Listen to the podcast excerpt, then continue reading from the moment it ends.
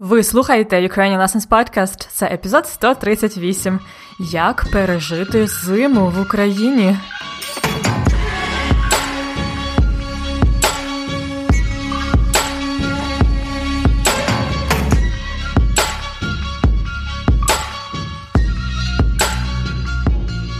Привіт!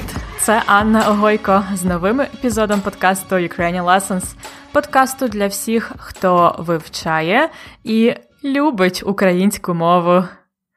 Якщо, можливо, це ваш перший епізод подкасту, то дозвольте відрекомендуватися.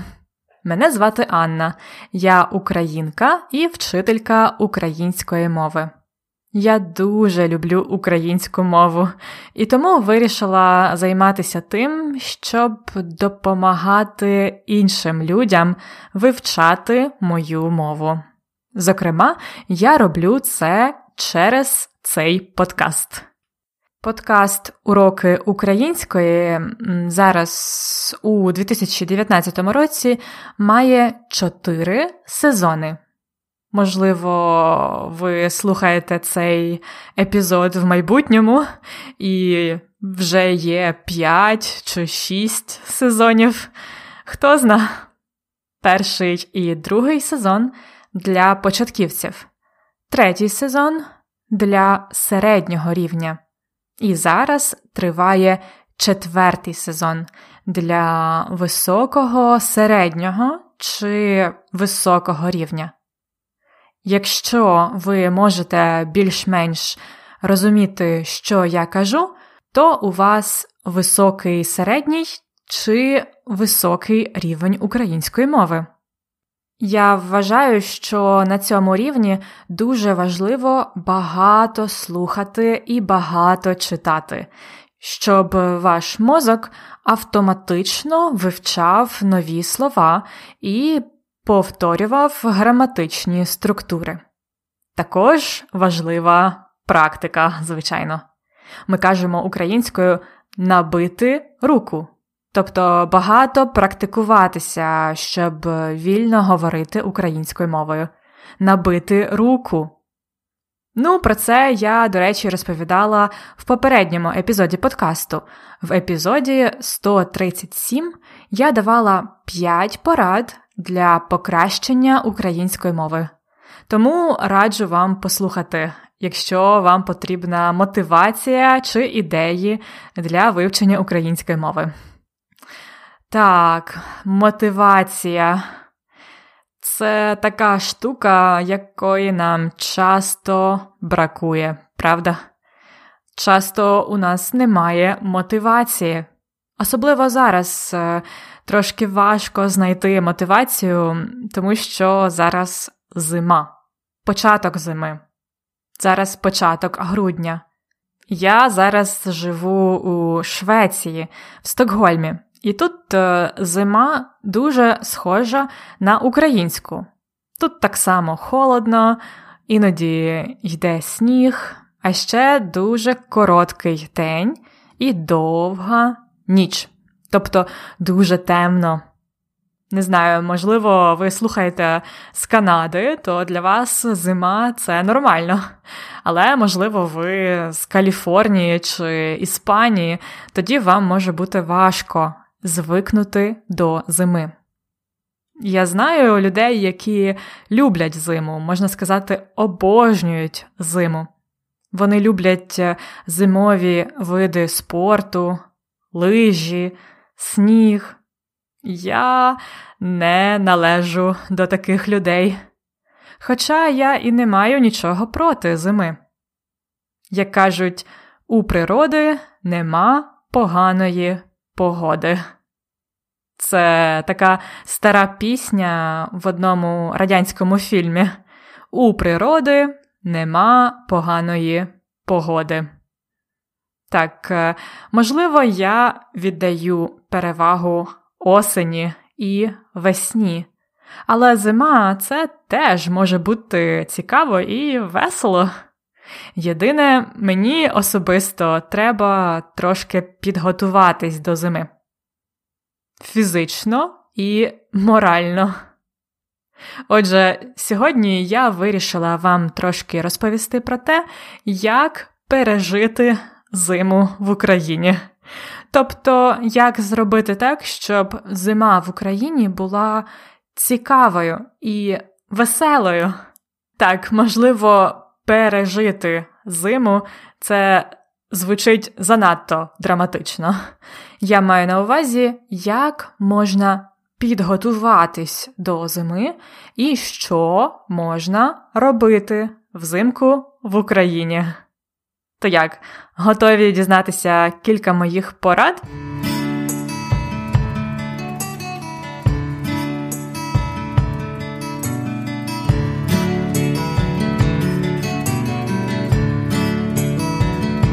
Отже, по-перше, звичайно, взимку не можна припиняти рухатись.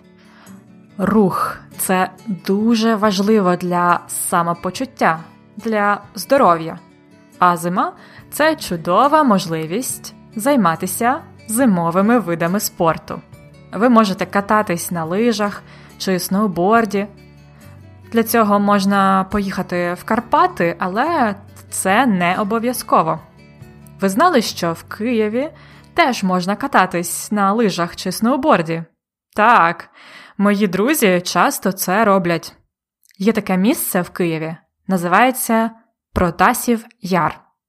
Яр це така собі міні-гора. Отже, там можна спускатись на лижах, на сноуборді або на санчатах. Сани або санчата це, знаєте, таке крісло, у яке ви сідаєте і спускаєтесь з гори. Діти дуже люблять санчата, але і дорослі теж. Я, наприклад, не люблю ні лижі, ні сноуборд, але я люблю санчата. Хоча взимку не завжди є сніг. Наприклад, інколи снігу може не бути. Тоді можна кататись на ковзанах, на спеціальних ковзанках. Знаєте, ковзани це таке як ролики, але для зими. У Києві є кілька ковзанок на вулиці, наприклад, на Софіївській площі часто відкривають ковзанку. Але більшість ковзанок в Києві знаходяться в торгових центрах. Отже, якщо ви ніколи не катались на ковзанах, ви можете спробувати це в Україні. Ви можете взяти ковзани на прокат.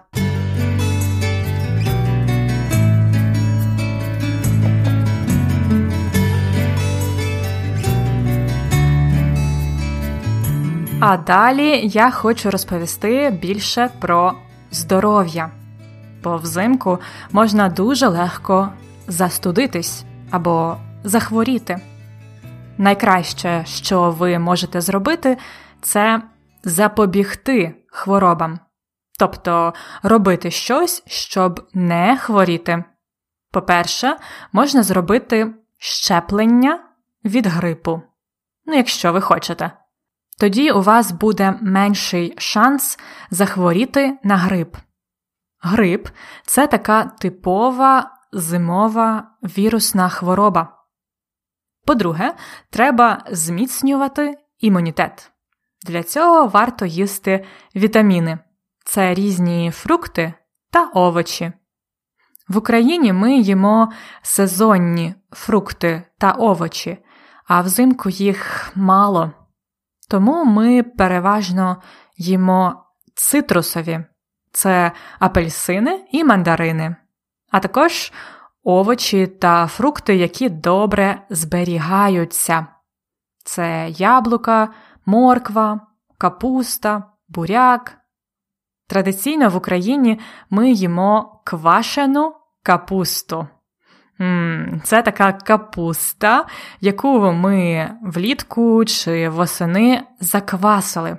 Тобто цю капусту засипають сіллю і закривають в банку. У квашеній капусті дуже багато вітаміну С. Ви знали таке?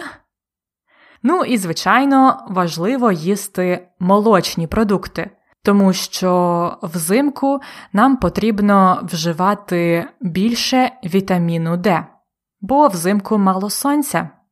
Вітамін Д також можна вживати в таблетках. Отже, імунітет ми зміцнили. Але що ще важливо, щоб не захворіти? Звичайно, не замерзати. Тобто робити так, щоб вам завжди було тепло. Якщо ви замерзнете, якщо ви на дворі і вам холодно, то у вас е, швидко почнеться нежить, кашель, а може навіть е, і застуда чи грип. Тому підготуйтеся заздалегідь. Купіть теплу куртку. Ми називаємо ці куртки пуховик, тому що вони складаються з пуху, з гусячого пуху. Пуховик. Також купіть собі шапку, шарф, рукавиці, теплі шкарпетки. А останніми роками я відкрила для себе дуже корисну річ термобілизну. Це такий теплий одяг, який ви одягаєте під штани і під светр. Це дуже зручно і тепло. Термобілизна.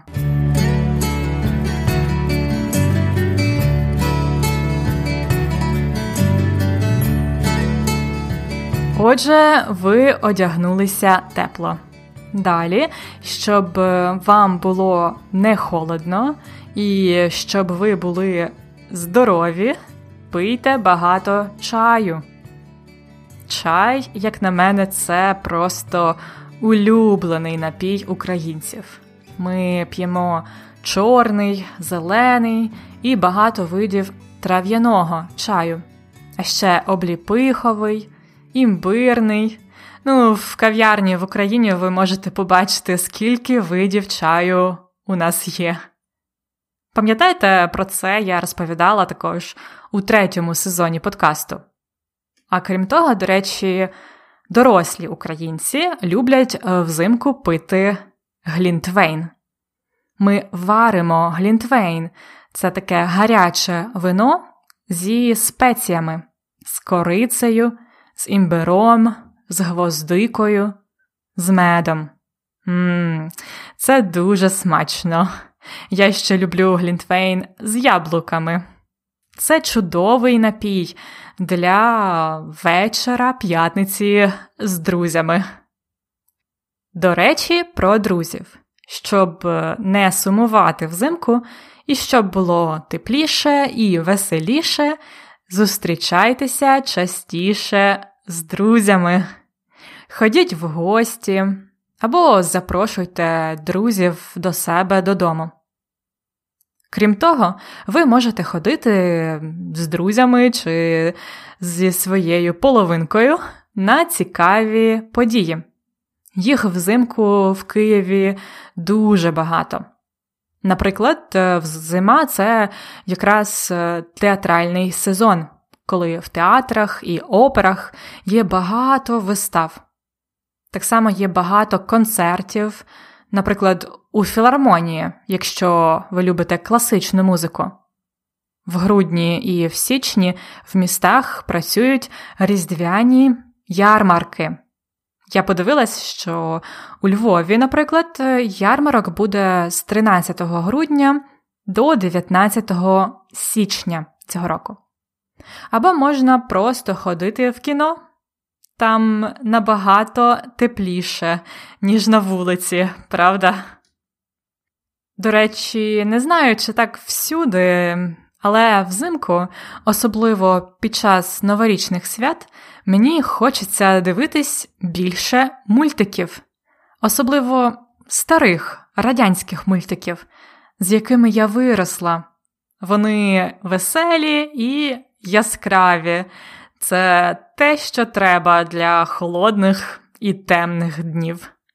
Взагалі намагайтеся взимку використовувати яскраві кольори в одязі чи в інтер'єрі. Або коли, наприклад, будете прикрашати ялинку.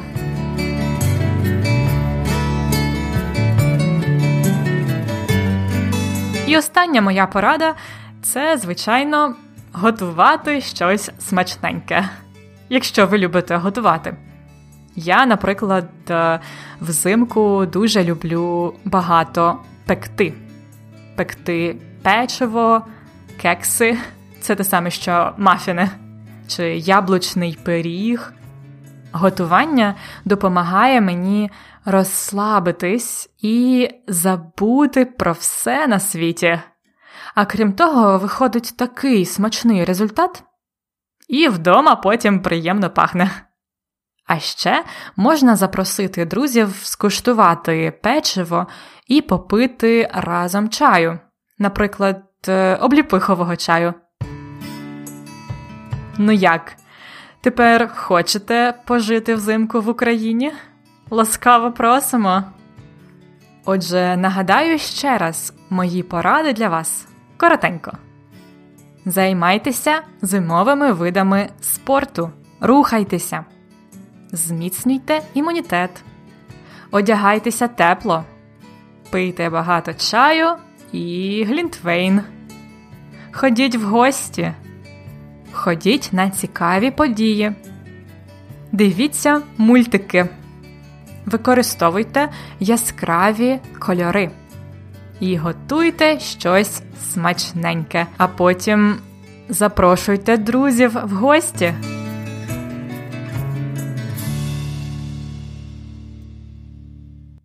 А зараз, як завжди, я розповім вам трошки більше про деякі фрази та ідіоми, які я казала сьогодні.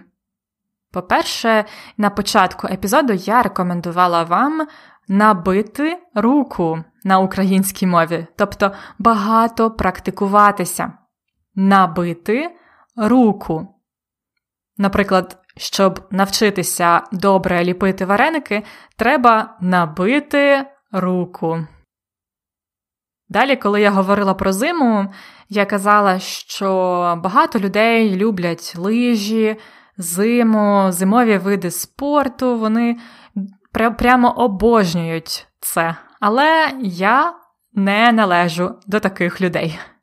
Я належу або я не належу до таких людей. Тобто я така сама, як інші, або я не така сама, як інші. Тобто я не належу до людей, які люблять е, все зимове. Я не особливо фанат зими. Ну, наприклад, ще я належу до людей, які п'ють е, більше чаю, ніж кави. Я належу або я не належу до людей. Отже, я не належу до людей, які обожнюють зиму. Хоча я не маю нічого проти зими, не мати нічого проти. Тобто я не кажу, що зима це погано.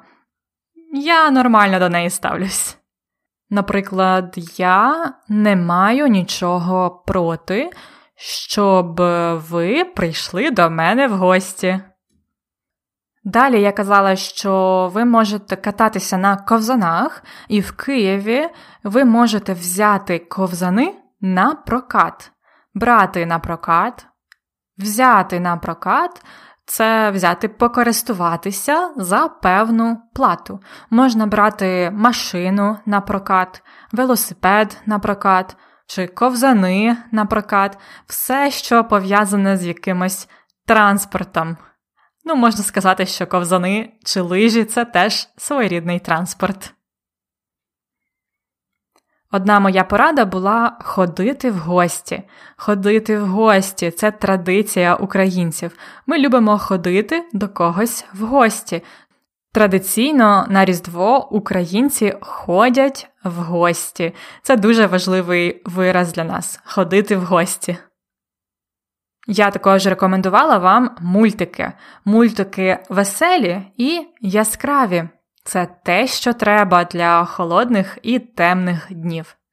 Те, що треба, Це типовий вираз, який ми часто вживаємо.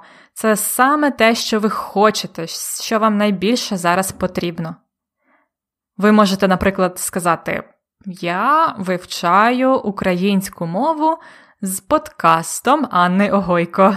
Це те, що треба. Тобто вам це дуже подобається, і це саме те, що вам корисне. Коли я говорила про те, що я люблю готувати, то казала, що це допомагає мені розслабитись і забути про все на світі. Забути про все на світі. Що можна зробити, щоб забути про все на світі? Я думаю, можна займатися йогою, почитати якусь художню книжку, а головне вимкнути інтернет, правда? Щоб забути про все на світі. І ще одна фраза була трошки раніше, але я про неї забула: це запобігти хворобам. Я казала, щоб не застудитись, не захворіти, важливо запобігати хворобам або запобігти хворобам. Запобігти, запобігати це робити так, щоб щось не сталося. Наприклад, запобігти хворобі, зробити так, щоб не захворіти. І зверніть увагу, що дієслово запобігти запобігати вживаємо з давальним відмінком. Так, запобігти кому чому. Щоб е, запобігти грипу, треба часто мити руки. Щоб е, запобігти інфляції, український парламент прийняв новий закон. До речі, всі ці корисні вирази з перекладом на англійську мову є в конспекті цього уроку. Також там є чудові вправи для практики. Ці вправи розробляє наша редакторка Ірина. Вони мені дуже подобаються. Конспекти, тобто додаткові документи до уроків, є частиною нашої преміум підписки. Більше про те, як отримувати конспекти уроків, ви можете дізнатися за посиланням ukrainianlessons.com риска преміум.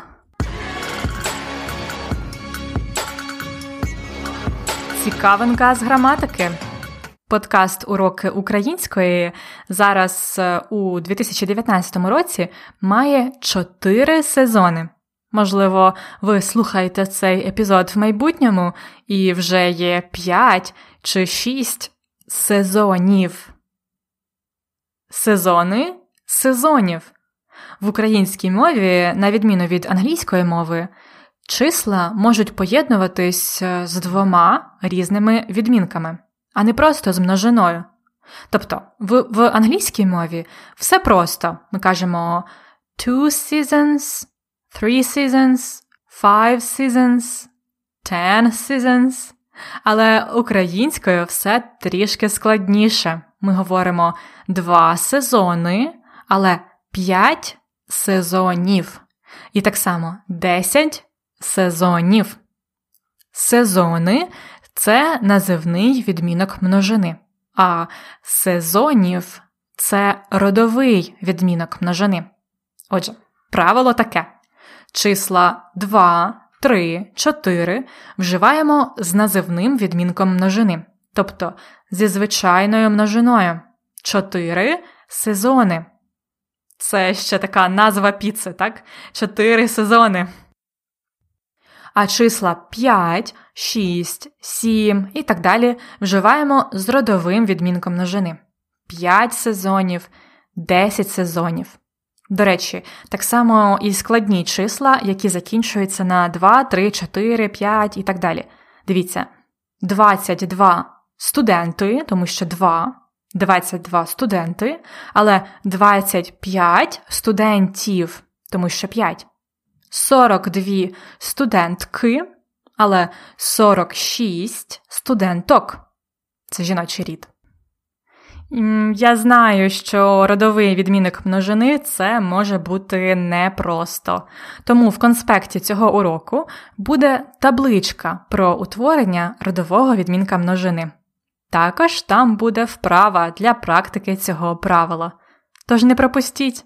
У кожному конспекті уроку є щонайменше три вправи.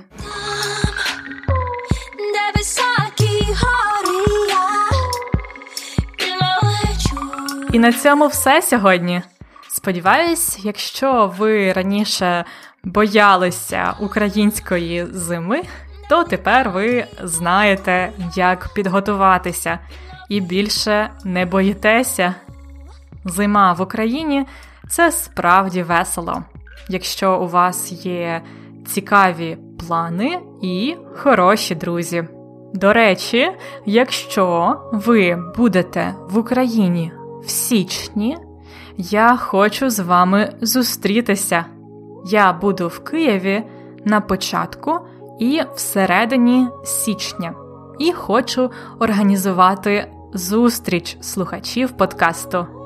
Більше про це я напишу в соціальних мережах у Фейсбуці і Інстаграмі, а також в нашій тижневій розсилці. Тому підписуйтесь.